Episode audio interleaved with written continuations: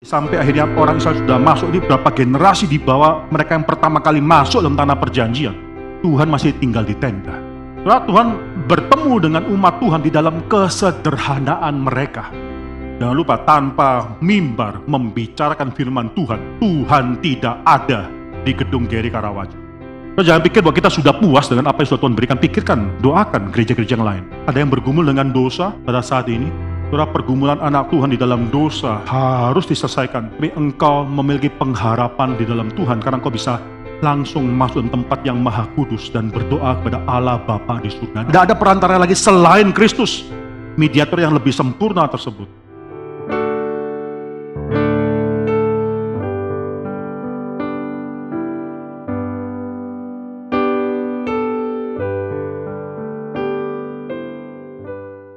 Ibrani pasal yang ke-9 dan kita akan membaca bertanggapan ayat yang pertama sampai ayat yang ke-10. Satu bagian Alkitab yang sangat penting sekali, yang sangat indah. Saya akan membacakan ayat-ayat yang ganjil, saudara membacakan ayat-ayat yang genap. Sekali lagi Ibrani pasal 9 ayat 1 sampai 10, demikianlah firman Tuhan bagi kita semua. Tempat kudus di bumi dan di sorga. Memang perjanjian yang pertama juga mempunyai peraturan-peraturan untuk ibadah dan untuk tempat kudus buatan tangan manusia.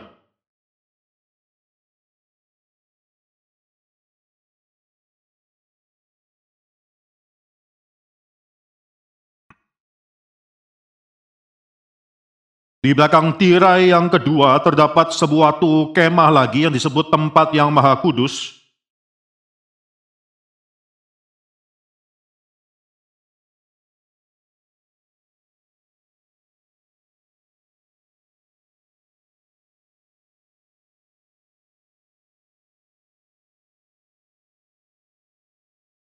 Dan di atasnya kedua kerup kemuliaan yang menaungi tutup pendamaian, tapi hal ini tidak dapat kita bicarakan sekarang secara terperinci.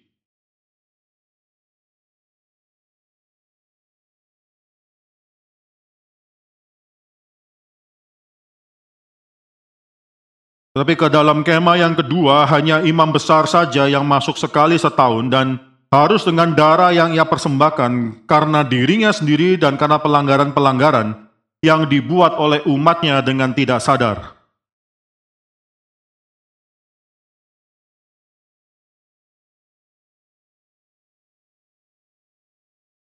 Itu adalah kiasan masa sekarang sesuai dengan itu dipersembahkan korban dan persembahan yang tidak dapat menyempurnakan mereka yang mempersembahkan yang menurut hati nurani mereka.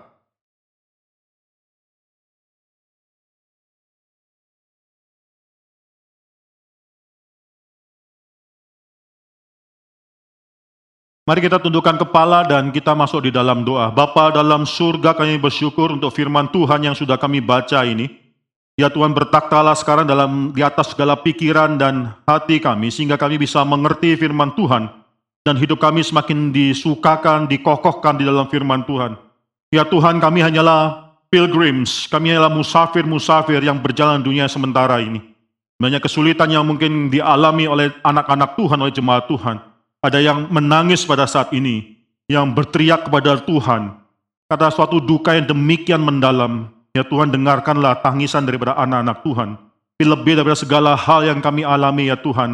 Hari ini kami meminta firman Tuhan diberitakan dan firman Tuhan mengingatkan kami sekali lagi bahwa kami sudah memiliki suatu mediator, seorang mediator yang jauh lebih baik, yang bisa menghibur kami, yang bisa menghapus air mata kami. Mediator anak Allah itu sendiri. Kami bersyukur ya Tuhan karena kami memiliki pengharapan dalam dunia sementara ini. Sekarang kami akan mendengarkan firman Tuhan. Berkatilah hambamu yang akan menyampaikan firman Tuhan dan semua orang tempat ini. Dari yang paling muda sampai yang paling tua. Ketika kami mendengarkan firman Tuhan, tidak ada distraction, kami tidak mementingkan hal lain. Tapi mementingkan kami bisa dimengertikan dan diberikan belas kasihan oleh Tuhan sehingga kami bisa mengerti atas firman Tuhan ini. Kalau bukan karena anugerah Tuhan, maka tidak ada satu orang pun tempat ini yang bisa mengerti semua firman daripada Tuhan. Misalkan bagian yang sulit, Tuhan yang sudah membuka tabir yang memisahkan tempat kudus dan tempat maha kudus. Dan Tuhan juga membuka tabir dalam hidup kami, dalam hati, dalam pikiran kami. Sehingga kami bisa mengerti kedalaman daripada firman Tuhan ini. Misalkan semua ya Tuhan dalam nama Tuhan Yesus Kristus kami berdoa dan mengucap syukur. Amin. Sudah perhatikan berapa minggu yang lalu kita sudah bicarakan mengenai suatu fakta bahwa Yesus Kristus itu adalah suatu mediator yang lebih baik. Bahkan lebih daripada imam-imam yang telah ditetapkan sesuai dengan peraturan daripada Levi, saudara. Tapi mereka tidak pernah disumpah.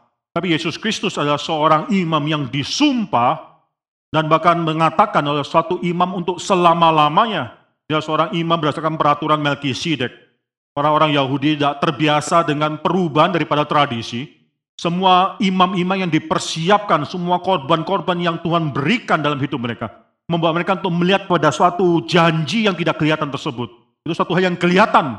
Ketika sunat, itu ada darah yang keluar ada korban di sembelih, itu ada darah yang keluar. Sehingga mereka melihat kepada anak domba Allah yang akan mencucurkan darah. Tapi mereka tidak bisa melihat. Mereka gagal melihat semua hal itu, saudara. Karena apa? Karena tradisi. Saudara sangat berbahaya sekali ketika kita diikat oleh tradisi.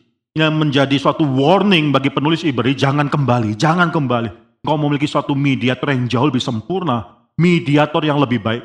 Kalau kita sudah bicara mengenai mediator yang lebih baik ini, dan mediator ini menjadi mediator yang lebih baik, bukan karena pribadinya lebih sempurna atau dia ditetapkan sebagai mediator untuk selama-lamanya dengan suatu sumpah, tapi juga karena perjanjian yang lebih baik tersebut. Perjanjian yang lebih baik. Kalau saya perhatikan dalam Ibrani pasal 8 ayat ke-7, dalam Alkitab saudara, saudara perhatikan, saudara bisa melihat perjanjian yang lama tersebut, yang pertama tersebut itu dikatakan bercacat. Kalau perjanjian yang pertama tidak bercacat, tidak perlu ada perjanjian yang baru. Maksudnya demikian. Jadi fakta bahwa perjanjian lama itu sudah ada cacat ya sehingga memerlukan satu perjanjian yang baru. Kristus adalah mediator bagi perjanjian yang baru. Pra, apa salahnya perjanjian yang lama ini? Pra, Alkitab mengatakan bahwa mereka, orang yang menerima perjanjian yang lama ini memiliki kecacatan di dalamnya. Mereka adalah nenek moyang daripada orang-orang Yahudi yang telah menjadi orang Kristen, yang menjadi audiens daripada penulis Ibrani di sini. Mereka adalah orang-orang yang dibawa dengan tangan Tuhan sendiri keluar daripada tanah Mesir. Dengan sepuluh tulah Tuhan memperlihatkan bagaimana dia lebih besar daripada semua ilah-ilah di Mesir. Dengan tiang api dan tiang awan dia memimpin umatnya. Dia membuka laut kolsom. Tapi berapa sering, saudara, orang-orang Israel tersebut akhirnya memberontak kepada Tuhan. Bahkan setelah mereka masuk ke tanah kanan, keturunan mereka pun berapa sering memberontak kepada Tuhan, tidak bisa setia. Maka penulis Ibrani mengkutip daripada Yeremia pasal 31. Saya akan membacakan Yeremia pasal 31 ayat 32 di dalam Masoretic Text. Yang mengatakan, perjanjianku telah mereka ingkari, meskipun, dalam bahasa Indonesia, meskipun aku menjadi Tuhan yang berkuasa atas mereka, dalam bahasa aslinya Yeremia pasal 31 ayat 32 yang dikutip dalam Ibrani pasal 8 ayat yang ke-9 tersebut. Terjemahan lain, masuk retik teks mengatakan, Perjanjianku telah mereka ingkari meskipun aku adalah suaminya mereka. Itu pakai kata hubungan suami dan istri. Yang menyatakan bagaimana orang Israel ketika melanggar perjanjian Tuhan itu bukan hanya melanggar saja, tapi sudah melacurkan dirinya dengan orang yang lainnya. Bukan cuma melanggar perjanjian dengan Tuhan, tapi melacurkan diri dengan orang lain. Meskipun aku adalah suaminya mereka, itu Masoretic teks katakan demikian. Kita bisa melihat dalam bahasa Inggrisnya, itu dikatakan, even though I am their husband, aku adalah suami mereka. Indonesia mengatakan, meskipun aku adalah Tuhan yang berkuasa atas mereka, itu kurang kuat bahasanya. Terjemahan lain, itu itu perlu dikonsider, bahasa yang sangat-sangat kuat sekali, meskipun aku adalah suami mereka. Saudara di sini nanti Tuhan akan menceraikan orang yang sudah meninggalkan perjanjian tersebut. Tiga minggu yang lalu saya katakan, saudara, dalam doktrin orang reform itu ada ruangan untuk perceraian, khususnya bagi mereka yang sudah berzina, perceraian bukan terjadi pada saat orang membuat surat cerai, tidak. Perceraian terjadi pada saat perjinahan terjadi. Ini sangat kuat sekali ya. Saudara bisa melihat dalam Matius pasal 19 ada yang mengatakan, jangan yang sudah disatukan oleh Tuhan, jangan diceraikan oleh manusia. Itu bukan satu alasan bahwa ketika terjadi perjinahan maka sama sekali tidak boleh ada perceraian. Tidak. Yang disatukan oleh Tuhan tidak boleh dipisahkan oleh manusia. Itu maksudnya adalah jangan sampai engkau akhirnya berzina. Jika engkau sudah mengikatkan janji pernikahan satu dan yang lainnya. Karena Tuhan sudah mengikatkan dirinya. Mereka adalah istriku. I am their husband. Tapi mereka meninggalkan aku. Maka Tuhan berhak karena ketidaksetiaan daripada orang Israel untuk membuat suatu perjanjian yang baru, menceraikan mereka dan mengikatkan dirinya dengan suatu covenant yang baru. Jadi ini alasan yang pertama mengapa perjanjian itu yang pertama yang lama disebut bercacat karena ketidaksempurnaan daripada ketidaksetiaan daripada mereka yang menerimanya. Tapi menarik sekali saudara, dalam Ibrani pasal 8 dikatakan bahwa perjanjian lama itu sendiri ada cacatnya. Ini menarik sekali. Di perjanjian yang lama itu sendiri ada cacatnya. Ya kalau ada cacatnya tidak perlu ada suatu perjanjian yang baru, tidak perlu. Kalau kita berpikir apa cacatnya dalam perjanjian yang lama? Mengapa Tuhan bisa memberikan suatu hal yang tidak baik? Cacat di sini adalah komparatif. Perjanjian yang lama, ketika itu baik, saya percaya baik adanya. Tapi ketika dibandingkan dengan suatu perjanjian yang baru, maka incomparable. Tidak bisa dibandingkan. Itu jauh lebih sempurna, jauh lebih indah perjanjian baru tersebut. Saudara tahu perbedaan antara perjanjian lama dan perjanjian baru. Nanti kita akan bicarakan dalam Ibrani pasal yang ke-9 ini. Tapi saudara di dalam perjanjian yang baru tersebut, itu ada suatu komparatif lebih baik. Saya percaya sama seperti 1 Korintus pasal 15. Kalau kita buka 1 Korintus pasal 15, ini sudah minimal tiga kali saya beritakan di atas mimbar ini.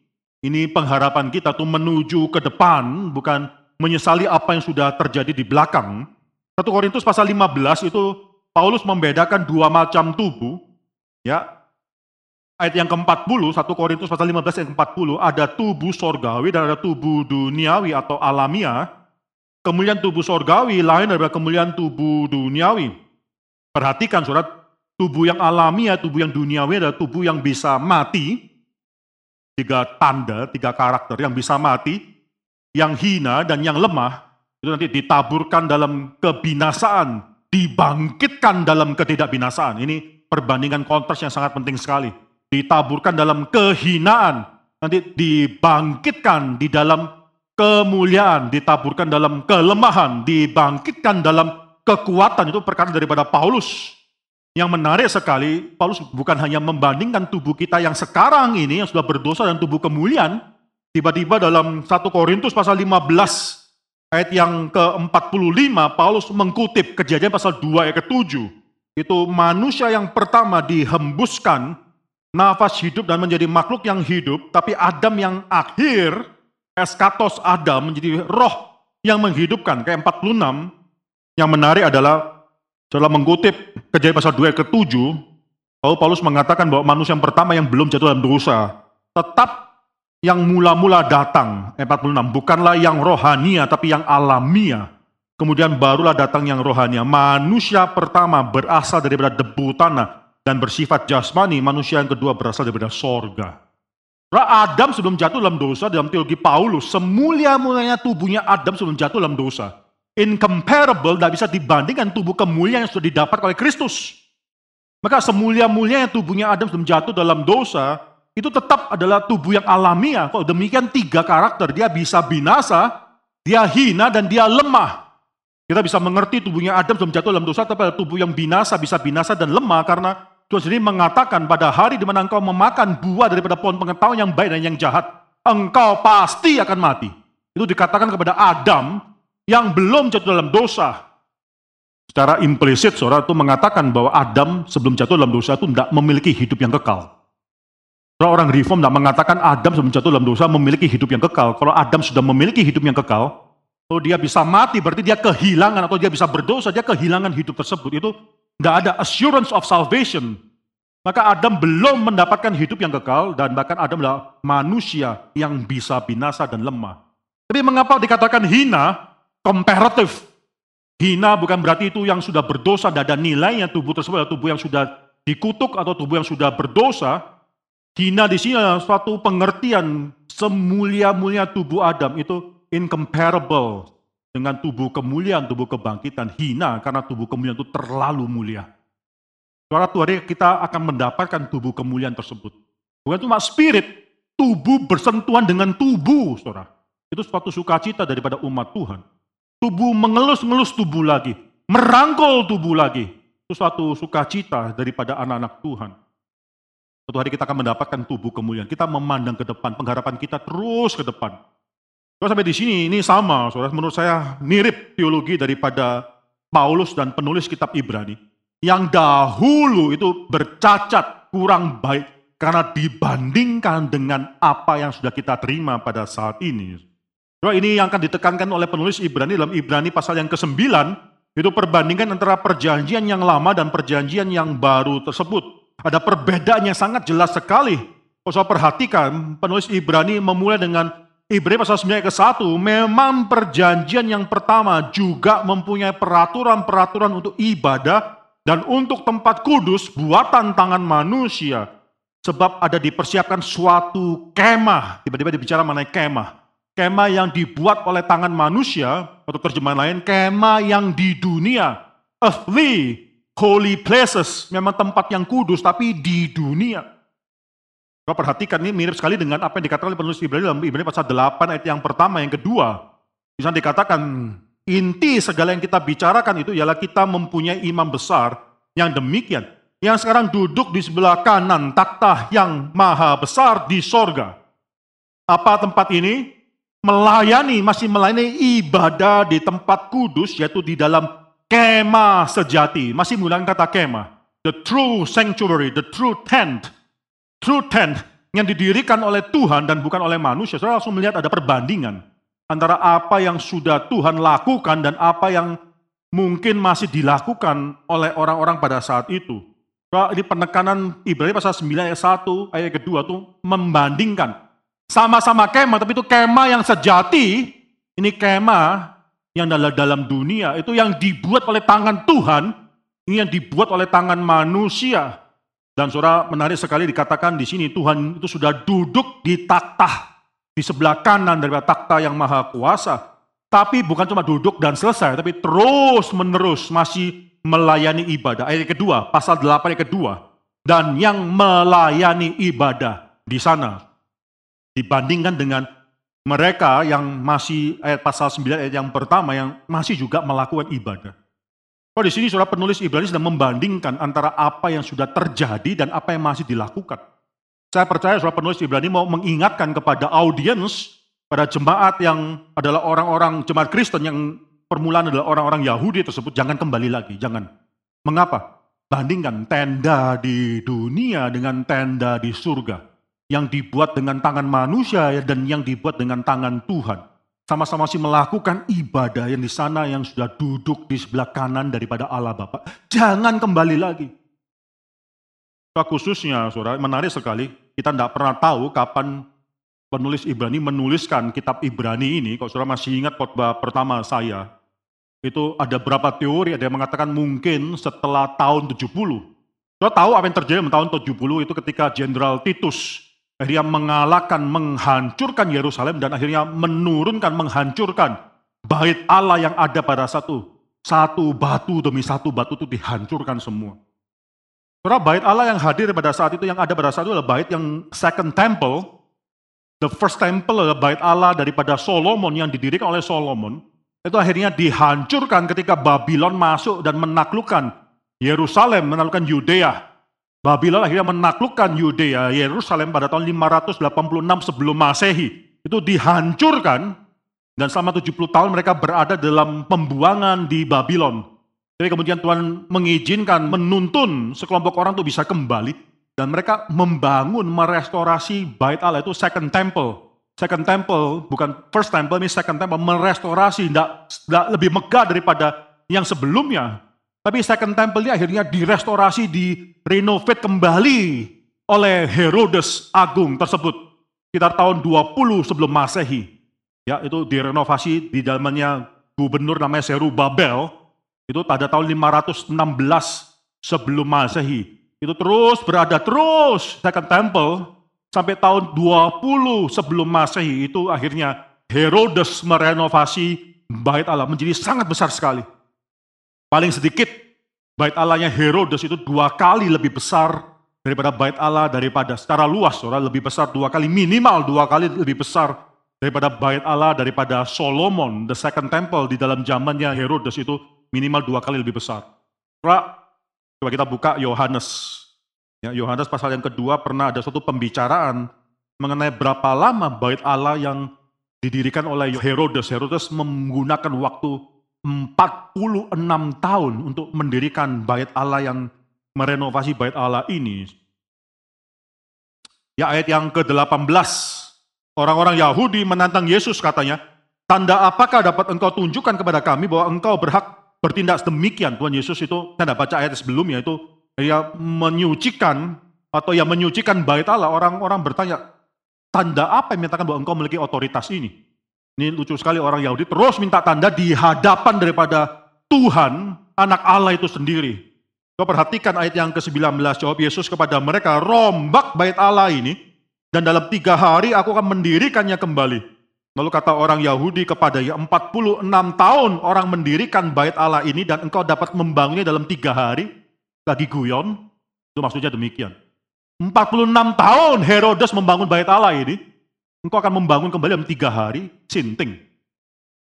Saudara, kalau Herodes membangun mulai dari tahun 20 sebelum Masehi, diperkirakan saudara itu mungkin ini exchange, tanya jawab ini atau perkataan ini keluar sekitar pada tahun 27 Masehi, 26-27 Masehi. Tidak ada nol Masehi, saudara. Itu daripada satu sebelum Masehi, berpindah pada satu Masehi, tidak ada yang namanya nol Masehi. Karena salah perhitungan, saudara, diperkirakan, scholars memperkirakan bahwa Yesus itu lahir empat sebelum Masehi.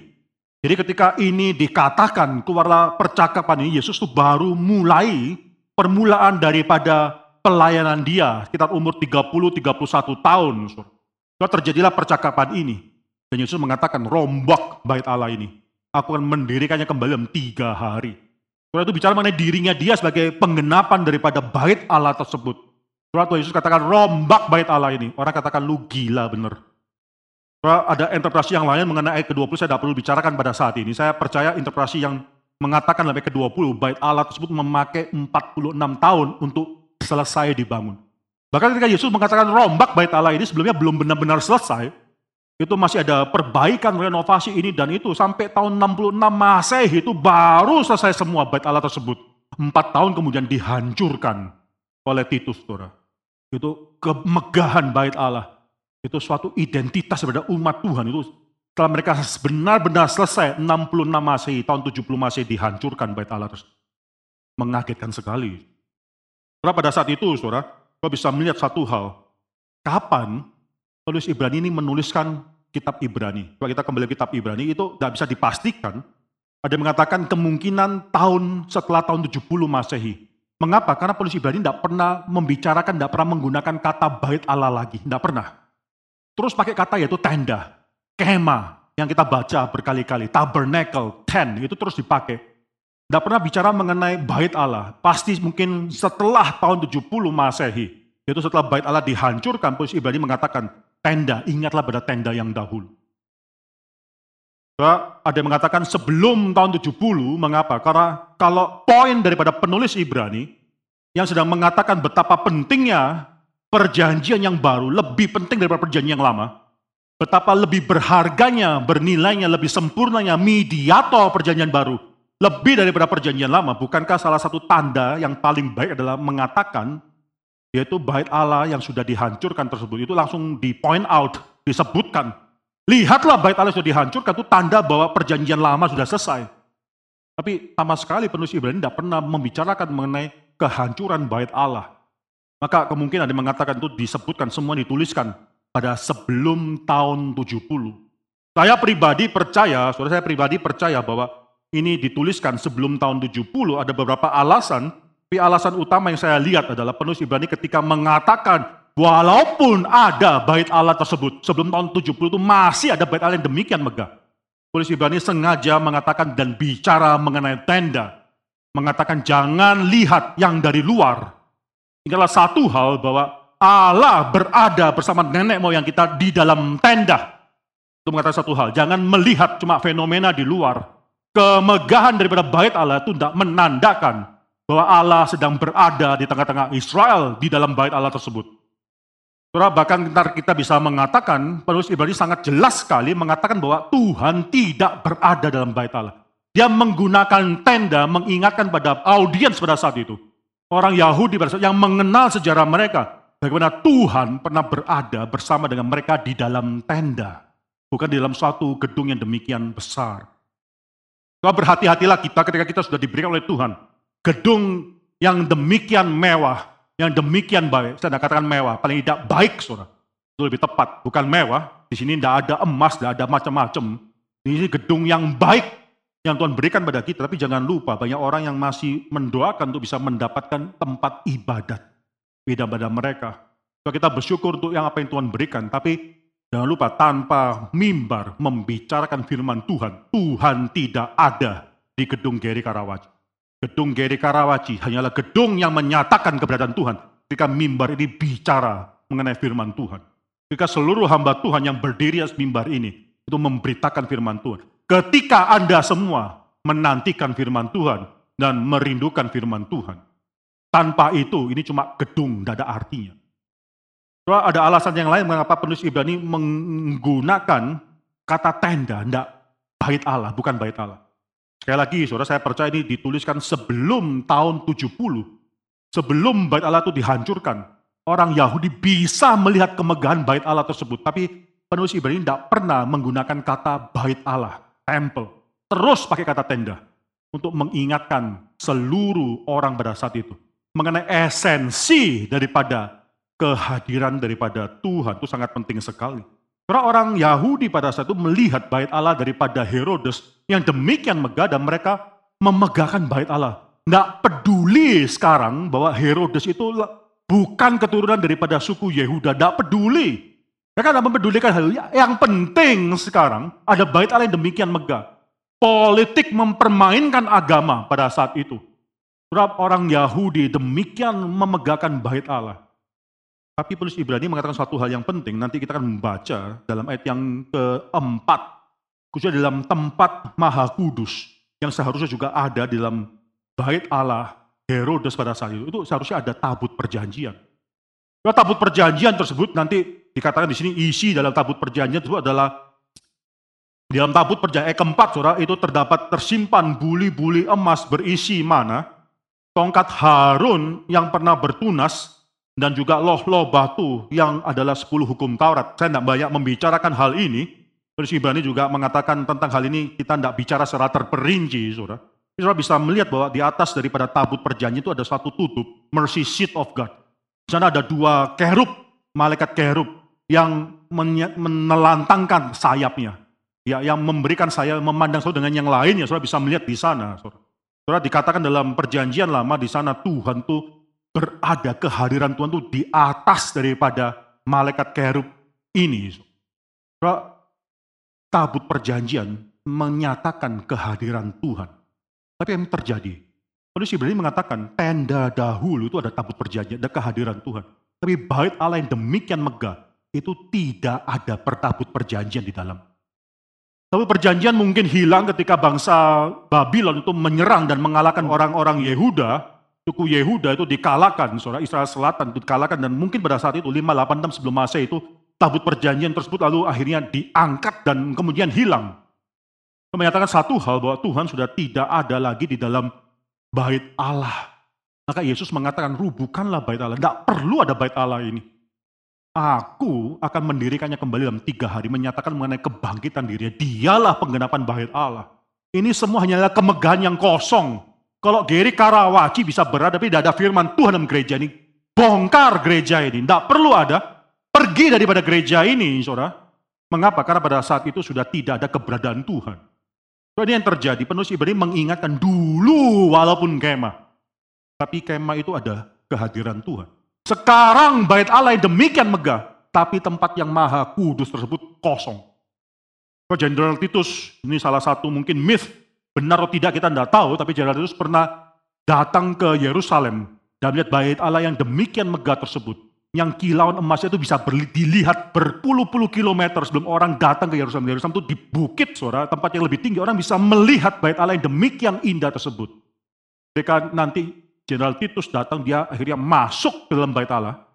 Lalu masuk ke tempat kudus, itu sudah satu hal yang sangat melanggar sekali kekudusan Tuhan. Tapi Tuhan tidak peduli karena sudah nggak ada Tuhan di sana. Itu cuma bangunan daripada Herodes. Secuil nggak ada artinya.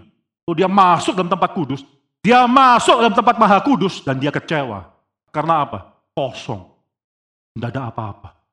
Dia menantikan inilah tempat maha kudus. Kan dia sudah masuk dan ternyata tidak ada apa-apanya. Penulis Ibrani mengingatkan, tenda. Ingat dahulu tenda, bukan bait Allah ini, ingat tenda. Ingatlah dahulu ada keberadaan Allah, yaitu paling tidak masih ada. Satu simbol keberadaan Allah, yaitu tabut perjanji. Ini suatu yang sangat indah sekali, dan kalau saya perhatikan, saudara, dalam konteks daripada orang Yahudi, itu keberadaan daripada bait Allah sangat penting sekali. Coba kita buka, saudara, 2 Samuel. 2 Samuel pasal yang ke-7. Saudara bisa melihat 2 Samuel pasal yang ke-7. Itu ayat yang saya baca dari beberapa ayat yang pertama, saudara. 2 Samuel pasal yang ke-7 ayat yang pertama. Ketika raja, yaitu Raja Daud, telah menetap di rumahnya dan Tuhan telah mengaruniakan keamanan kepadanya terhadap semua musuhnya di sekeliling. Berkatalah raja kepada Nabi Nathan, lihatlah, aku ini diam di dalam rumah dari kayu aras, padahal tabut Allah diam di bawah tenda. Kita bisa melihat bagi saat itu, itu Raja Daud sudah menikmati istana. Dia diam di dalam rumah yang demikian indah, dengan kayu aras, tapi tabut perjanjian Tuhan itu masih di tenda. Lalu berkatalah Nathan kepada raja, baik, lakukanlah segala sesuatu yang dikandung hatimu, sebab Tuhan menyertai engkau. Ayat keempat saya akan membaca sampai ayat yang ketujuh, saudara. Tapi pada malam itu juga datanglah firman Tuhan kepada Nathan, demikian, pergilah katakanlah kepada hambaku Daud, pergilah firman Tuhan, masakan engkau yang mendirikan rumah bagiku untuk kudiami, atau terjemahnya lebih tepat, akankah engkau mendirikan rumah bagiku untuk kediami? Ayat eh, keenam, aku tidak pernah diam dalam rumah sejak aku menuntun orang Israel dari Mesir sampai hari ini. Tapi aku selalu mengembara dalam kemah sebagai sebagai kediaman. Sama aku mengembara bersama-sama seluruh orang Israel. Pernahkah aku mengucapkan firman kepada salah seorang hakim orang Israel yang kuperintahkan mengembalakan umatku Israel demikian. Mengapa kamu tidak mendirikan bagiku rumah dari kayu aras? Jawabannya tidak pernah. Tuhan tidak pernah minta bagi seluruh hakim, mengapa engkau tidak mendirikan rumah bagiku. Jadi suatu kesadaran daripada Daud ketika melihat bagaimana dia sudah tinggal dalam rumah yang demikian mewah, tapi Tuhan masih tinggal di tenda. Dia menginginkan untuk membuat suatu rumah Tuhan yang mewah juga. Nanti saudara akan lihat bahwa Tuhan akan mengatakan keturunanmu yang akan membuat rumah bagiku. Saudara, menarik sekali sampai akhirnya orang Israel sudah masuk ini berapa generasi di bawah mereka yang pertama kali masuk dalam tanah perjanjian. Tuhan masih tinggal di tenda. Mengatakan suatu hal, dan tenda itu sangat sederhana, saudara itu menyatakan mereka kehadiran Tuhan, tapi tempat yang kudus tersebut dan tempat yang maha kudus itu, dan semua pelataran di luar itu hanya ditutupi dengan kain-kain saja, sementara. Dengan kain yang sangat sederhana sekali. Saudara, Tuhan bertemu dengan umat Tuhan di dalam kesederhanaan mereka. Ini sangat penting sekali. Ketika mereka keluar dari tanah Mesir, mereka tidak memiliki apa-apa. Mereka tidak bisa membuat tembok dan batu dan seterusnya. Dan mereka terus bergerak, maka Tuhan melihat kesederhanaan mereka. Kebutuhan mereka, mungkin limitasi mereka. Dan Tuhan tidak masalah bahwa dia terus berada di dalam tenda yang dibuat daripada kain. Tapi ketika sudah demikian lama orang Israel tinggal dalam tanah perjanjian, Ketika mereka sudah memiliki rumah-rumah mereka sendiri, tidak ada satu orang pun yang berpikir mengenai bagaimana dengan rumah Tuhan. Sampai Daud memikirkan mengenai rumah Tuhan. Dia melihat saya sudah menikmati rumah pada saat ini. Tapi Tuhan masih tinggal di tenda dan dia memikirkan untuk membangun satu rumah. Nah, sayangnya apa yang Daud lakukan dan keturunan Daud lakukan, Solomon itu akhirnya mendirikan rumah yang semakin lama semakin megah. Tapi tidak ada Tuhan di dalamnya hidup spiritualitas kita harus bertumbuh. Kita memang mungkin dalam kesulitan kita, dalam kesementaraan kita, dalam kesederhanaan kita, Tuhan menemui kita dalam kesederhanaan kita. Tapi kalau kita akhirnya semakin lama, semakin menikmati kekayaan dunia, tapi tidak pernah memikirkan mengenai pekerjaan Tuhan, mengenai rumah Tuhan, itu suatu hal yang juga tidak diperkenan oleh Tuhan. Saat ini, saudara, jangan cuma berpikir bahwa sekarang sudah selesai, GG Karawaci sudah selesai membangun. Pernah tidak kita memikirkan mengenai rumah Tuhan lainnya, gereja lainnya?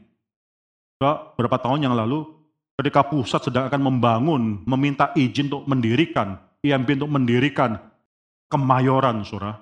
Itu adalah gereja, ada orang lain mengatakan, saya gereja besar, tidak perlu sebut namanya, gereja. Yang mengatakan, saya kami bersyukur karena kami mendapatkan izin terakhir untuk mendirikan gereja. Bapak Tuhan katakan, enyalah engkau, setan gitu ya. Saya mengharapkan lebih banyak lagi IMB yang bisa didapatkan oleh gereja-gereja Tuhan. Bukan cuma Gary pusat pada saat itu, tapi banyak gereja Tuhan yang menantikan izin. Kalau kita bersyukur kita sudah pindah daripada ruko sampai ke gereja ini, saudara. Kita berjuang, kita memikirkan pekerjaan Tuhan, tapi jangan merasakan bahwa kita sudah selesai. Banyak sekali gereja Tuhan, bukan cuma di Sinode Geri, tapi di luar Sinode Geri yang menantikan izin untuk bisa mendirikan rumah bagi Tuhan. So, jangan pikir bahwa kita sudah puas dengan apa yang sudah Tuhan berikan, pikirkan, doakan gereja-gereja yang lain. Saudara, kalau kita sudah memiliki rumah yang memadai, pikirkan pekerjaan Tuhan. Tuhan tidak mau kita berhenti bertumbuh. Tuhan mau akhirnya bertemu dengan kita dalam setiap kondisi hidup kita. Daud ketika melihat bahwa dia sudah masuk dalam istana dengan kayu aras, dia mengatakan, tidak bisa, Tuhan tetap terus tinggal di dalam tenda. Sayangnya nanti, saudara sayangnya nanti. Akhirnya semakin besar, semakin besar. Tapi Tuhan sudah tidak ada di tempat yang maha kudus tersebut. Kalau penulis Ibrani bisa menceritakan satu hal yang penting di sini, bahwa dulu tenda dan ada Tuhan hadir di sana. Penulis Ibrani bukan hanya menunjukkan mengenai persamaan, tapi juga perbedaan karena tenda yang dimiliki oleh orang Kristen ya suatu tenda yang nanti kita akan belajar itu sudah tidak ada lagi pelataran tempat yang kudus. Itu sekarang sudah Tuhan itu sebagai mediator yang lebih sempurna itu sudah masuk tempat yang maha kudus dan dia duduk. Ya salah sekali lagi duduk demikian penting. Para imam-imam yang lain itu harus berdiri dan melakukan tugas-tugas mereka, tapi Tuhan sudah duduk di kanan daripada Allah yang maha besar. Sang maha besar tersebut. Itu menyatakan bahwa semuanya sudah digenapkan. Dia masuk ke surga, ke tempat yang maha kudus. Di dalam pasal-pasal berikutnya itu akan dibandingkan tuh surga tempat yang maha kudus tersebut. Yang bukan dibuat dengan tangan manusia, tapi tangan Tuhan sendiri. Menyatakan bahwa kita more than them. Itu bukan cuma dulu mereka memiliki bait Allah atau tenda yang di mana Tuhan hadir. Tapi yang kita miliki sekarang itu adalah suatu tenda di surga yang jauh lebih sempurna. Pengharapan kita. Saja kita untuk membahas mengenai ayat selanjutnya, kalau saya perhatikan, saudara, bait Allah tersebut itu ada, kalau saudara pernah melihat bait Allah, itu ada ruangan-ruangan yang berbeda-beda di luar itu pelataran, di pelataran atau di courtyard tersebut itu ada yang namanya altar korban. Orang Israel datang ke sana menyembelih binatang eh, tempat satu bejana daripada perunggu yang berisi air dan paling tidak saudara imam-imam sebelum masuk ke tempat yang kudus itu harus membersihkan tangan mereka di sana, membersihkan diri mereka. Mereka akhirnya masuk ke tempat yang kudus. Saudara ini adalah suatu tenda, semua daripada kain. Saudara bisa melihat di dalam tempat ada dua ruangan itu 10, itu 10 kubit, satu kubit kira-kira 45 cm, 4,5 meter kali 30 kubit, ya kira-kira 13,5 meter. Itu nanti ada dua ruangan, saudara bisa melihat di sana itu ada dua ruangan, itu ruangan yang pertama dipanggil yang depan, namanya tempat kudus, yang di belakang tempat maha kudus. Saudara bisa melihat ada tirai biru yang memisahkan kedua ruangan tersebut. Itu tirai sangat penting sekali, saudara. Kalau di sini tempat kudus tersebut 10 kali 20, 10 kubit sekali 20 kubit. Ini tempat yang maha kudus 10 kali 10, suatu bujur sangkar yang sempurna, tapi di dalam tempat kudus itu suatu rectangle, suatu persegi panjang 10 kali 20 kubit atau 4,5 meter kali 9 meter. Kau bisa melihat dalam tempat di sini dikatakan, saudara perhatikan ayat yang kedua. Yang kedua dikatakan bahwa dipersiapkan suatu kemah, yaitu bagian yang paling depan di situ terdapat kaki dian, di sana ada menorah, Kaki Dian yang berisi tujuh cabang, tiga di kiri, tiga di kanan, dan satu di tengah. Itu cabang yang harus setiap hari itu nggak boleh ada nggak boleh mati apinya itu harus terus bercahaya itu kaki Dian, saudara. Dan ada juga meja dengan roti sajian. Di sana ada roti sajian dan harus ada 12 roti. Saya percaya itu roti yang tidak beragi, yang menandakan 12 suku dari orang Israel. Ada orang yang mengatakan di atas meja roti tersebut juga ada anggur. Ini nanti lambang daripada perjanjian baru yang berbicara mengenai perjamuan kudus. Ada anggur atau tidak anggur, tidak bisa dipastikan, tapi yang pasti itu Alkitab mengatakan tuh meja harus ada roti. 12 roti yang hanya boleh dimakan oleh imam-imam. Tidak boleh dimakan oleh orang lainnya. Kalau imam-imam setiap hari itu akan masuk ke sana dan akan mempersiapkan api itu yang namanya menorah tersebut. Kaki dia itu tidak boleh mati, saudara. Tapi menarik saudara ayat yang ketiga, dikatakan di sini di belakang tirai. Di Jadi saya bicara mengenai tempat yang maha kudus. Di belakang tirai terdapat suatu kemah lagi yang disebut tempat yang maha kudus. Di situ terdapat mesbah pembakaran ukupan dari emas. Saya akan bicara mengenai hal itu later on, saudara. Dan tabut perjanjian yang seluruhnya disalut dengan emas. Nah tadi kita sudah bicara di dalam tabut itu ada buli-buli emas berisi mana, tongkat daripada Harun yang pernah bertunas, dan loh-loh batu yang bertuliskan perjanjian. Saudara, kalau saudara mengenal skema daripada tempat atau tenda maha, eh, tempat kudus dan tempat maha kudus ini, saudara tahu bahwa sebenarnya uh, dikatakan di sini mesbah pembakaran ukupan yang dari emas itu bukan berada di dalam, tapi di luar. Itu meja ukupan itu sebenarnya di tempat kudus, bukan tempat maha kudus. Tapi mengapa penulis Ibrani mengatakan bahwa meja ukupan itu ada di dalam, di dalam tempat yang maha kudus? Saya percaya bahwa penulis Ibrani sangat mengenal sekali mengenai tenda ini, saudara. Sangat mengenal mengenai layout dan apa yang ada di dalamnya. Sebenarnya, penulis Ibrani juga tahu bahwa tempat mesbah pembakaran ukupan tersebut, dupa tersebut, itu bukan di tempat maha kudus. Tempat maha kudus itu hanya ada tabut perjanjian daripada Tuhan. Itu kehadiran Tuhan. Kehadiran daripada Yahweh, itu saja. Saudara, ada suatu interpretasi komentator yang mengatakan bahwa Penulis Ibrani itu sangat mengkaitkan dupa tersebut, mesbah pembakaran ukupan dengan tempat maha kudus, walaupun di luar, tapi tidak bisa terpisahkan. Mesbah pembakaran ukupan dupa tersebut, dupa itu menunjukkan suatu doa daripada umat Tuhan. Itu terus terbakar, itu harum, bau harum terus keluar. Itu Tuhan terus mendengarkan, seakan Tuhan terus mendengarkan di dalam daripada mesbah dalam tempat maha kudus. Tuhan terus berkaitan dengan umat Tuhan yang ada di luar. So, tiga hal ini, saudara, terang atau lampu tersebut kaki dia itu menceritakan mengenai bagaimana Tuhan itu menjadi firman Tuhan itu harus terus didengarkan oleh umat Tuhan. Roti menceritakan bagaimana umat Tuhan itu memerlukan roti daripada Tuhan dan akhirnya ada dupa yang terus dibakar. Imam-imam yang bekerja di sini itu mereka bukan hanya memastikan minyak daripada kaki dia terus menyala, enggak. Ya mereka terus membersihkan dupa tersebut sehingga bau dupa tersebut terus wangi terus, terus terbakar. Mereka harus memastikan semua hal ini sambil memastikan roti tersebut harus digantikan dan imam yang bisa memakan roti di sana. Tiga hal ini berkaitan dengan Kristus. Tiga hal ini ada kaitan dengan Kristus. Coba saudara perhatikan dalam Yohanes. Yohanes pasal yang pertama. Coba kita buka Yohanes pasal yang pertama.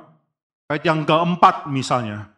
Dalam dia ada hidup dan hidup itu adalah terang manusia. Terang itu bercahaya di dalam kegelapan dan seterusnya. Ayat ke-9, terang yang sesungguhnya yang menerangi setiap orang sedang datang ke dalam dunia. Tuhan Yesus dikatakan adalah terang. Terang daripada dunia. Itu kaki dia yang tidak boleh mati apinya. Itu simbol daripada keberadaan sekarang Kristus. Bukan cuma imam-imam yang menggantikan minyak kaki dia tersebut. Kalau saya perhatikan dalam Yohanes pasal yang ke-6, itu Yesus Kristus memberi makan 5.000 orang, yaitu dengan lima roti dan dua ikan. Nanti saudara baca seterusnya di dalam Yohanes pasal yang ke-6 tersebut itu ada satu perkataan, akulah roti hidup. Ya, akulah roti hidup tersebut. Ya, engkau sebenarnya hanya menerima roti daripada Bapa di surga yang menurunkan di padang gurun bagaimana, tapi akulah roti hidup tersebut. Maka di sini saudara kehadiran Kristus Mesias mediator tersebut itu sangat dikaitkan sekali dengan roti. Yang ketiga mengenai dupa dan polis Ibrani berkali-kali mengatakan bagaimana mediator tersebut tetap menjadi mediatornya kita pada saat ini. Ibrani pasal 8 pertama ayat yang kedua di sana dikatakan, saya bacakan saudara, imam besar inilah yang kita miliki, kita mempunyai imam besar yang demikian, yang duduk di sebelah kanan takhta yang maha besar di surga, dan yang melayani ibadah, masih terus melayani. Dia berdoa bagi kita semua. Itu melambangkan, dupa tersebut tuh, saya percaya melambangkan juga tugas daripada mediator yang mendoakan umatnya terus menerus. Tapi saudara, tidak cukup kita banyak berhenti sampai di sini, karena penulis Ibrani juga mengatakan satu kalimat yang sangat penting sekali. Coba kita baca, saudara. Ayat yang ke-8, pasal 9 ayat ke-8. Dengan ini roh kudus menyatakan bahwa jalan ke tempat yang kudus itu belum terbuka belum terbuka bukan berarti sama sekali tidak mungkin terbuka, tapi belum terbuka. Selama kemah yang pertama itu masih ada. Itu kalimat yang sangat penting sekali. Selama kemah yang depan itu, tempat kudus itu masih ada, maka jalan ke dalam kemah yang maha kudus itu sudah tidak ada. Pelayan daripada Kristus tidak berhenti hanya seputar kemah yang kudus tersebut, tapi dia sudah masuk ke kemah yang maha kudus. Itu yang tidak bisa dilakukan oleh para imam-imam. Mereka hanya bisa terus melayani di sini, tanpa pernah bisa menyeberangi masuk dalam kemah yang maha kudus, karena tirai yang menutupi tersebut. Kalau saya perhatikan, saudara, coba kita buka satu Samuel, Ya, 1 Samuel pasal yang ke-6, ayat yang ke-19. Ada satu cerita yang menakutkan sekali, yang mengagetkan sekali. 1 Samuel pasal 6 ayat ke-19. Dan ia, Tuhan, membunuh beberapa orang Bet Semes. Karena mereka melihat ke dalam tabutnya Tuhan. Bukan cuma itu saja, bukan cuma Tuhan membunuh mereka, tapi akhirnya Tuhan juga membunuh 70 orang daripada rakyat itu di kota Bet Semes. Itu agak sulit diterjemahkan, 70 dan ada kata 5 ribu, bukan 75 ribu, bukan.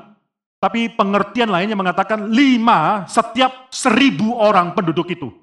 Mengapa 70 orang yang dibunuh karena penduduk Beth Semes, kota tersebut mungkin diperkirakan 14 ribu. 5 orang setiap satu ribu, seribu orang dibunuh oleh Tuhan. Mengapa? Karena ada orang-orang yang melihat ke dalam tabut tersebut.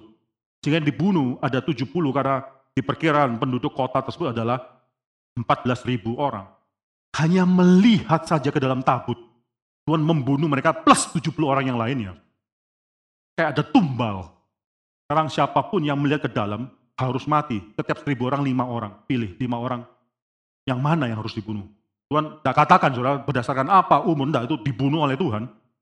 Ada 70 orang yang mati dan di sana dikatakan rakyat itu berkabung karena Tuhan telah menghajar mereka dengan dahsyatnya.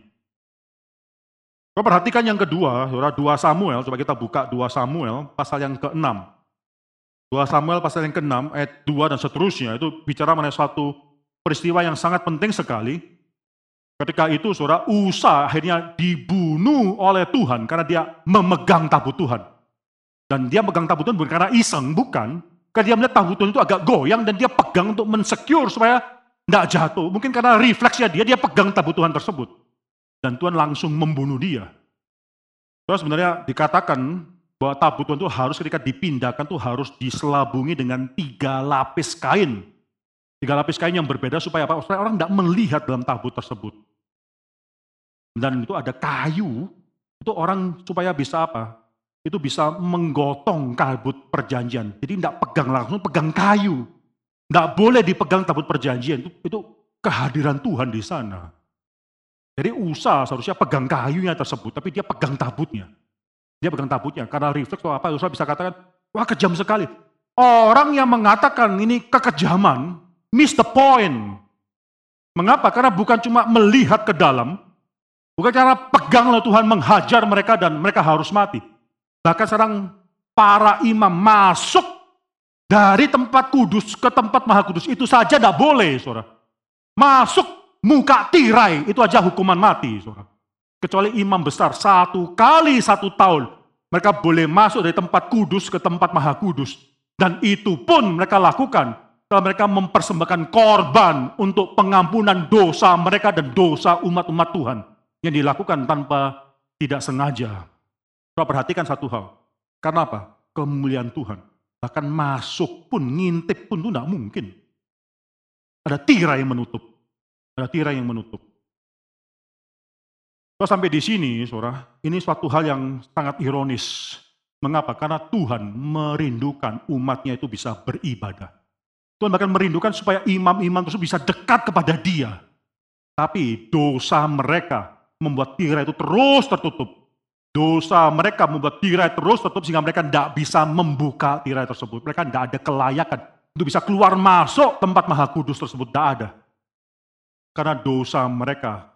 The righteousness of God, kekudusan daripada Tuhan merintangi mereka untuk bisa sedekat-dekatnya dengan Tuhan. Tuhan merindukan kedekatan mereka. Tuhan mau mereka datang melayani tempat kudus, tapi mereka tidak bisa masuk dalam tempat maha kudus, tidak bisa. Satu kali satu tahun, dan itu pun satu hal yang dilakukan oleh imam besar setelah dia harus meminta ampun atas dosanya sendiri. Tapi kalau perhatikan, begitu berbeda dengan Tuhan Yesus Kristus, karena dia sudah masuk ke tempat maha kudus. Jadi kita kata bahwa dia sudah masuk ke surga itu bukan cuma dia kembali ke surga, enggak, dia sudah masuk ke tempat maha kudus. Dan di sana menyatakan kesempurnaan keimamatan dia. Tulis Ibrani mau mengatakan suatu hal. Jangan pikir mundur. Maju. Kesulitan apa pun, engkau memiliki pengharapan yang lebih daripada orang-orang lainnya. Kesulitan apa pun, engkau memiliki mediator yang lebih baik tersebut. Karena ini perjanjian lebih baik. Mediatormu tersebut sudah masuk dalam tempat yang maha kudus. Dan dia sudah duduk di sana, tidak perlu keluar lagi. Tidak perlu keluar lagi.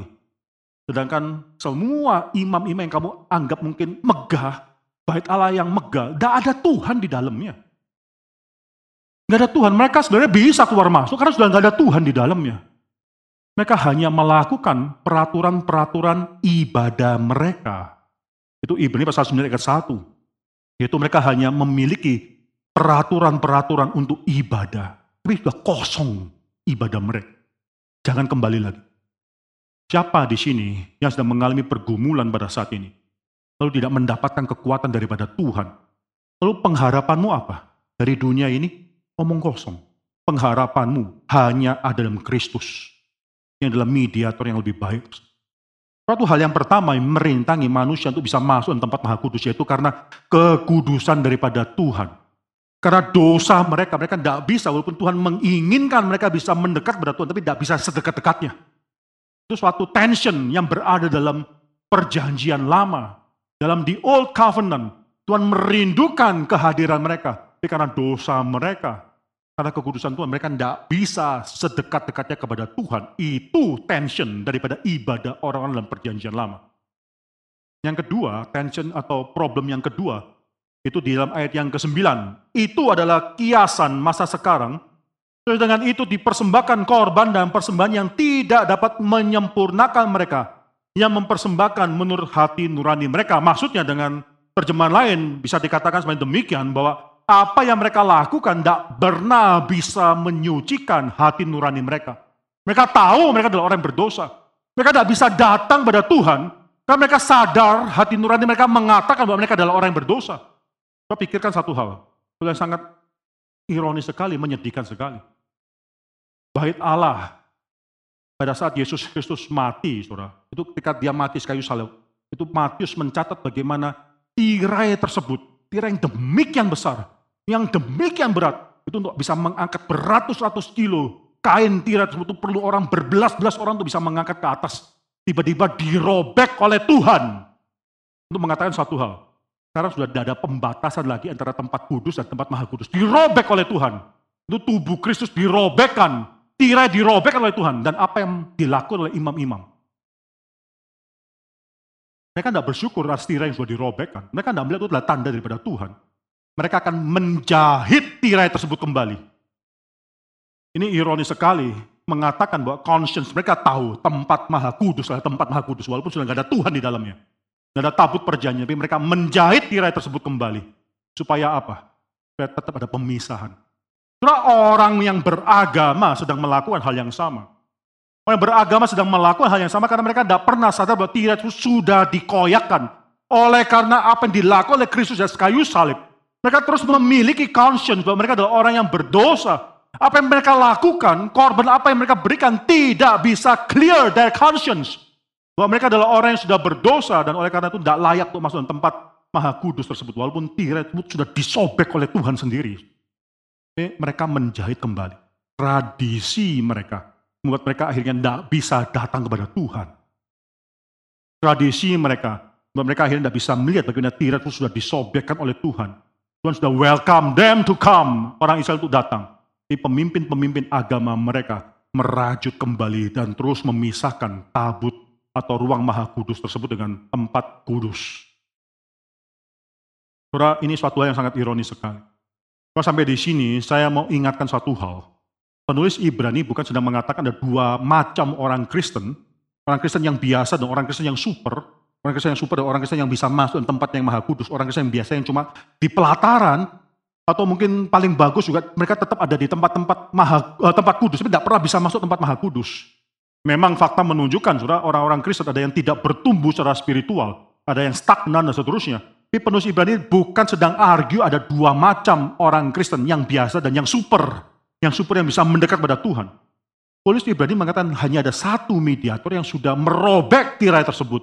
Dia sudah masuk tempat yang kudus tersebut yang di surga dibuat bukan dengan tangan manusia, tapi tangan Tuhan sendiri. Engkau dan saya sekarang sudah bisa masuk menghadap pada Tuhan di tempat yang maha kudus tersebut. Tidak perlu ada tirai. Ada yang bergumul dengan dosa pada saat ini. Surah pergumulan anak Tuhan di dalam dosa harus diselesaikan. Tapi engkau memiliki pengharapan di dalam Tuhan karena engkau bisa langsung masuk ke tempat yang maha kudus dan berdoa kepada Allah Bapa di surga. Tidak ada perantara, karena tidak ada perantara lagi selain Kristus, mediator yang lebih sempurna tersebut. Karena dia sudah masuk tempat yang maha kudus tersebut. Saya ajak kita membaca satu Korintus. Satu Korintus, saudara, pasal yang ke-6. Satu Korintus pasal yang ke-6, saya akan membaca di ayat yang ke-9. Saudara perhatikan perkataan daripada Paulus kepada jemaat di, di Korintus atau tidak tahukah kamu bahwa orang-orang yang tidak adil tidak akan mendapat bagian dalam kerajaan Allah? Ini Paulus akan mengatakan dosa-dosa yang tidak akan mendapat bagian dalam kerajaan Allah. Janganlah sesat orang yang cabul, menyembah berhala, orang yang berzina, banci, orang pemburit. Apa itu pemburit? Ini dalam terjemahan lain mungkin diterjemahkan sebagai orang yang homoseksual, yaitu orang yang melakukan hubungan seksual itu dari belakang. Orang pemburit pencuri, orang kikir, pemabuk, penfitnah, dan penipu tidak akan mendapat bagian dalam kerajaan Allah. Ayat yang ke-11, dan beberapa orang di antara kamu demikianlah dahulu. Ini Paulus mengatakan, engkau beberapa orang dalam jemaat Korintus juga seperti ini dahulu. Mereka juga adalah pemburit, orang yang cabul, ada orang yang banci, yang berzina, dan seterusnya penyembah berhala, mereka sebenarnya tidak mendapatkan bagian kerajaan Allah. Berapa orang dan terakan juga adalah demikian dahulu. Dahulu. Ayat selanjutnya, atau kalimat selanjutnya, tetapi kamu telah memberi dirimu disucikan, kamu telah dikuduskan, kamu telah dibenarkan dalam nama Tuhan Yesus Kristus dan dalam roh Allah kita. Kamu telah memberikan dirimu disucikan. Nah inilah pekerjaan daripada roh kudus. Pekerjaan daripada roh kudus yang mengingatkan kita terus menerus bahwa tabir tersebut itu sudah dirobekkan.